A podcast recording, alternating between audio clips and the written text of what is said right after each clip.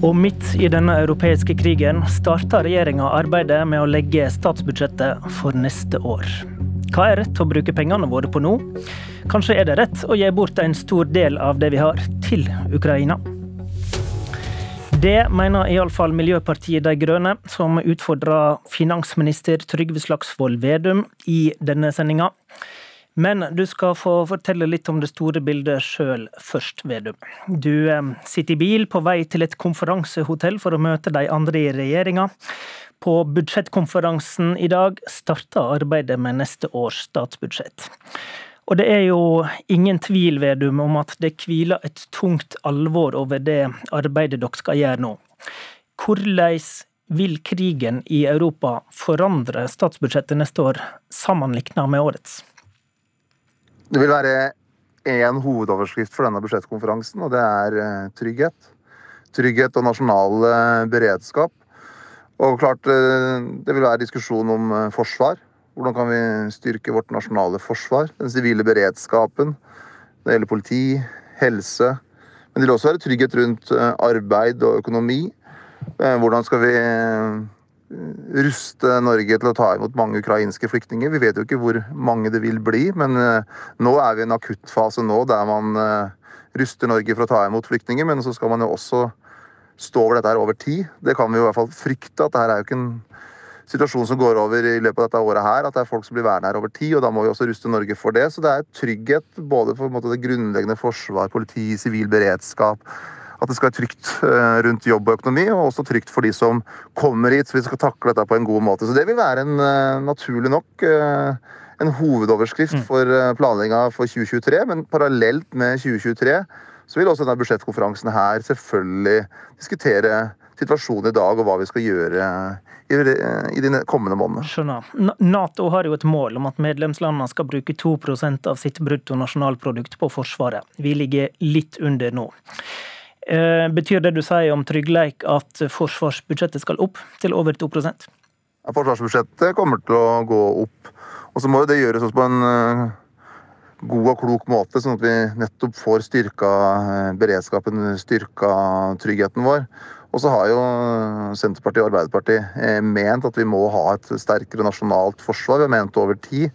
Vi har ment at vi må ha en sterkere nasjonal beredskap. Noe så grunnleggende som matvareberedskap kommer også til å mm. bli et uh, tema.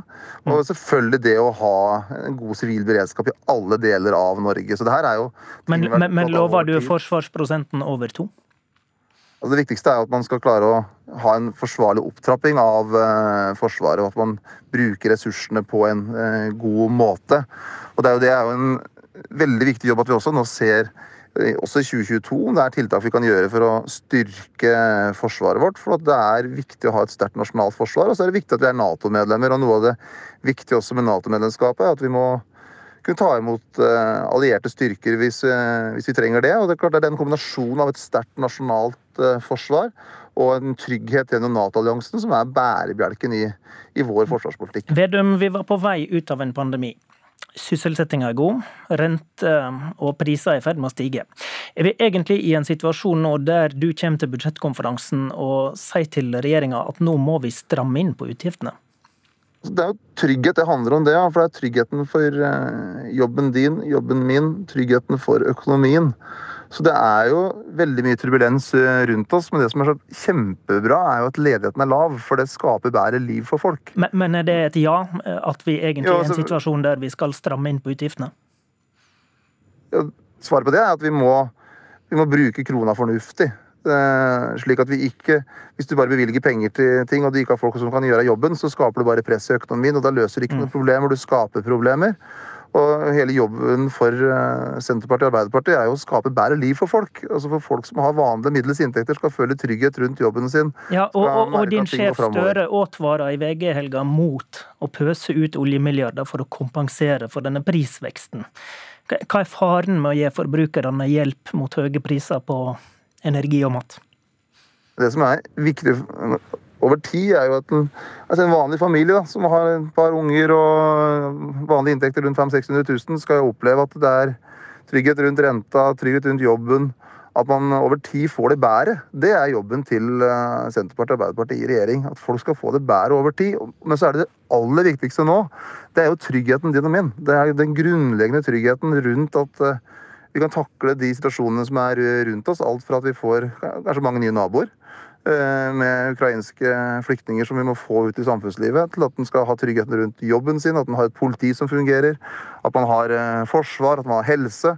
Så det blir jo litt andre debatter, selvfølgelig, når vi står i en sånn internasjonal krise som vi gjør nå. Men i bunn så er jo hele målet til Senterpartiet og Arbeiderpartiet-regjeringa at folk skal kunne ha også en trygghet rundt sin kjøpekraft og sin uh, private økonomi. Og da er det å snu krona, bruke krona fornuftig og ikke sløse, en, en god norsk verdi. Kommer det um, skattelette, slik både høyresida og SV har kravd fra deg? Altså Regjeringa vi prioriterte det i fjor høst òg, at folk som tjente under 750 000, har mindre skatt i år enn de uh, hadde i fjor. Og i 2023, da? Ja, det er jo den utviklinga vi ønsker. Altså At folk med vanlige middels inntekter de skal oppleve at uh, når vi bruker skattepolitikken, så er det der uh, skattekutta skal komme. Og så typisk folk som er pendlere, som har reist lang reisevei, de som skal bruke ferja. Så det, det, det kommer mer i 2023, da?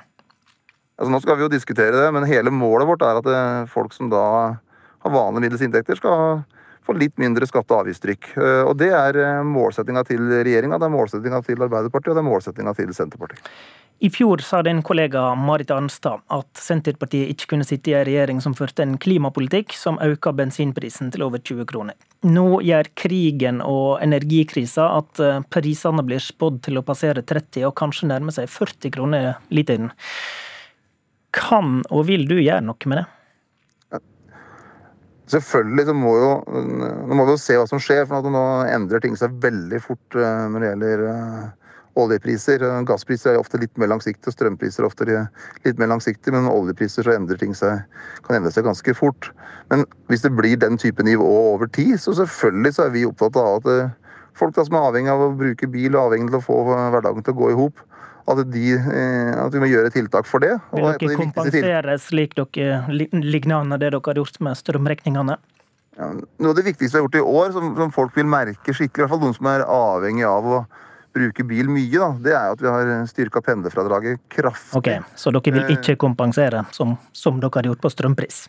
Ja, men Vi kommer til å gjøre tiltak som gjør at kjøpekraften til folk eh, ikke skal gå ned. Ok, Avgiftslette da, på drivstoff?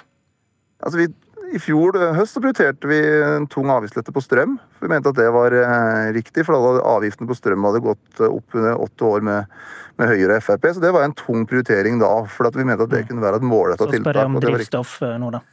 Ja, Det må vi se på. Og så må vi se liksom på hvordan utviklinga er litt over tid. Men det som er helt klar arbeidsordre fra Senterpartiet og Arbeiderpartiet, er at vi skal, de samla skatte- og avgiftsgrepa skal gjøre fordagen til folk bedre. Og så skal det være slik at om du bor på en plass der du har avhengig av mye transport eller lite transport, så skal det ikke bli for dyrt. Og det er egentlig arbeidsoppgaven. Men så er det akkurat nå er det litt sånn ekstremtider med ting som slår veldig ut.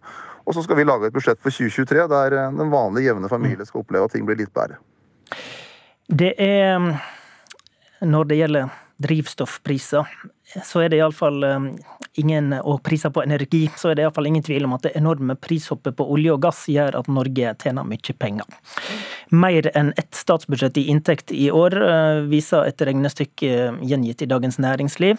Og det vi tjener på krigen, bør gå til Ukraina, foreslo MDG gjennom VG før helga. Leder i MDG, Une Bastholm, Hvorfor skal vi gi et helt statsbudsjett til Ukraina? Ja, nå er det jo en enorm humanitær katastrofe i Ukraina. Det er jo en folkevandring eh, ut av det landet nå som eh, kommer til å prege Europa i lang tid framover, og en geopolitisk situasjon som egentlig har endra Europa allerede. Eh, og så vet vi at eh, Norge tjener mye penger nå på en økt oljepris. Eh, anslagene er jo rundt et statsbudsjett, som du sier, og da har vi to valg. Vi kan putte de pengene inn i oljefondet, som vi vanligvis ville ha gjort. Vi kan eh, håpe at verden ikke legger merke til hvor mye penger vi har tjent på denne krigen her. Glemme alt som heter etikk og ansvar.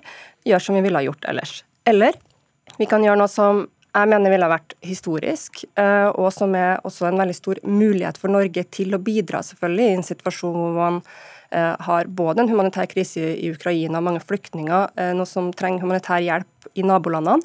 Eh, men i tillegg så har du ringvirkninger av den krigen. på matvarepriser globalt og på energi krise og energisikkerheten, eller mangelen på energisikkerhet i Europa, hvor vi mener at et solidaritetsfond kunne ha bidratt sterkt. Det er liksom fire formål, egentlig. Det var Ukraina, som du nevnte i starten, som jo kanskje er hovedformålet. Et gjenoppbyggingsfond for Ukraina er jo deler av det her, men vi ser også for oss at et solidaritetsfond av denne typen kunne vært brukt på å bøte på ringvirkningene, som jo veldig mange er engstelige for nå, særlig det med matvarepriser. Okay, Ukraina og de videre konsekvensene av krigen, da. Ja. og så Det er jo det her, altså det store prinsipielle uh, valget vi må ta, er jo om det her bare skal sluses inn i oljefondet nå, eller om vi oppretter et uh, eget solidaritetsfond. Uh, I så fall så er vi gjerne med på diskusjon om hvordan de pengene skal brukes og avgrenses. Dette er noe som må vedtas i Stortinget i så fall, fordi det krever en lovendring. Men nå har vi gått gjennom noen av de enorme utfordringene som finansministeren står overfor med neste års budsjett. Hvorfor skal vi ikke bruke det handlingsrommet på å forhindre at nordmenn sliter økonomisk, da? Ja, det er jo penger som ikke vil, altså De her økte oljeinntektene de ville ikke gått rett inn på statsbudsjettet, de går inn på oljefondet. Men det ville jo kanskje økt fondets verdi, eh, sannsynligvis eh, ville det gjort det, og gjort at vi kunne ha fått tatt ut mer av fondet neste år. Så de, den, de, ulike ønskene om kompensasjon nå, f.eks. som vi støtter, strømstøtten f.eks., støtter vi, det må vi ta innenfor årets budsjett. Omprioritere innenfor årets budsjett uansett. Og så vil jeg si at Norge er i en helt allerede en eksepsjonelt god økonomisk situasjon i forhold til nesten alle andre land etter pandemien.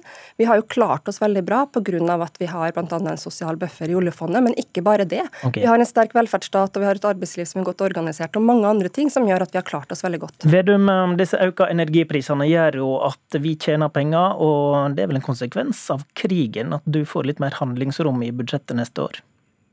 Alle taper på krigen. Og det er egentlig en litt sånn merkelig debatt, nesten litt uh, uverdig debatt. For at uh, hvis en tar med seg hele regnestykket, så har jo Norge, pga. at vi har mye penger i oljefondet, uh, fordi at vi har hatt en olje- og gassindustri over tid, så har vi jo tapt mer enn vi har såkalt vunnet fordi oljefondet har tapt så mye verdi. Men jeg liker ikke den debatten. For det blir jo ikke sånn at sjøl om vi teoretisk sett da, har tapt mer, fordi at oljefondet har falt så mye verdi. Eh, som gjør at vi måtte, sånn sett kan si, eh, i gåsehøyne, vil jeg si, fattigere nå enn det vi var i januar, så blir det helt uverdig og en veldig merkelig debatt. Men, men, men, men Vedum, du, du, har rett, Vedum, du har jo rett i at fondet har tapt i verdi. 1000 milliarder siden nyttår, så det, så det er mye. Men det er jo, et fond kan jo stige igjen, og du får jo mer penger inn i, i, til staten som følge av salg av olje og gass. Det er vel et faktum? Det er et faktum, men, også, men så kan også olje- og gassprisen, jo, eller ikke minst oljeprisen, kan jo også falle i løpet av, eh, av året. Så, så det, sånn, det, blir en veldig merkelig, litt sånn underlig debatt. For vi må stille opp uansett om vi taper, såkalt taper eller vinner på krigen. For i bunn så taper alle på denne krigen. Det er en helt forferdelig krig. Norge må, og Norge må stille opp, og det, det, det gjør vi. Både når det gjelder ja. bistand, ta imot flyktninger, vi må stille opp med gi militært utstyr. Men ja, bra tiltak så må vi stille opp. Og, må, og det kommer opplagt å ta mye ressurser fra det norske samfunnet. Ja, jeg skjønner Vedum. Bastholm skal få svare på det. Bastholm. Jeg skjønner at debatten er ubehagelig for Vedum, for av og til er det ubehagelig å ta etiske valg. Og jeg mener at vi kan ikke sitte og tjene så mye penger eh, på en krig som har ramma Ukraina, et land i vårt Europa, så kraftig, som vil prege nesten alle europeiske land i lang framtid, eh, uten at vi stiller opp med det som Norge kan stille opp med best, og det er jo penger nå. Det er det som mangler der ute i Europa, fordi vi har klart oss bra. Og Du kan ikke sidestille det at oljefondet nå taper seg i verdi med eh, de inntektene vi får fra olje og gass, for inntektene vet vi at vi kommer til å få. Altså Med en gang, de, med en gang vi har solgt olje og gass fordi noen har betalt mer for det, så har vi fått de pengene, vi. Mens verdiene i Statens pensjonsfond utland de går opp og ned. Så lenge vi ikke selger oss ned i noe, så lenge vi ikke selger oss ned i noe, Vedum, så vil de verdiene kunne gå opp igjen. Ja, du skal få svare, Vedum. Du har 30 sekunder. Altså det det som bare sier at nå skal vi gi bort 1700 milliarder kroner sånn, eh, som et utspill, det er eh, særdeles uklokt. Og så er, må vi huske Nei. at takket være at vi har en olje- og gassindustri, så tjener vi mye penger. Og det er jeg glad for at vi har en god olje- og gassindustri i Norge. Og så må vi hjelpe. Norge må hjelpe på mange fronter, uavhengig av okay. om vi taper eller vinner. Bast Dessverre så Bast er ikke regnestykket så enkelt som Bastholm sier. Bastholm, at veldig kort til slutt. Alle taper denne krigen. Veldig kort til slutt, Bastholm. Vedum begynte med å snakke om trygghet. Det er en del av norsk trygghet at vi er med å stille opp i en verden med flere simultane kriser nå. Takk til Lund Bastholm. Takk til Trygve Slagsvold Vedum, programleder Håvard Grønli.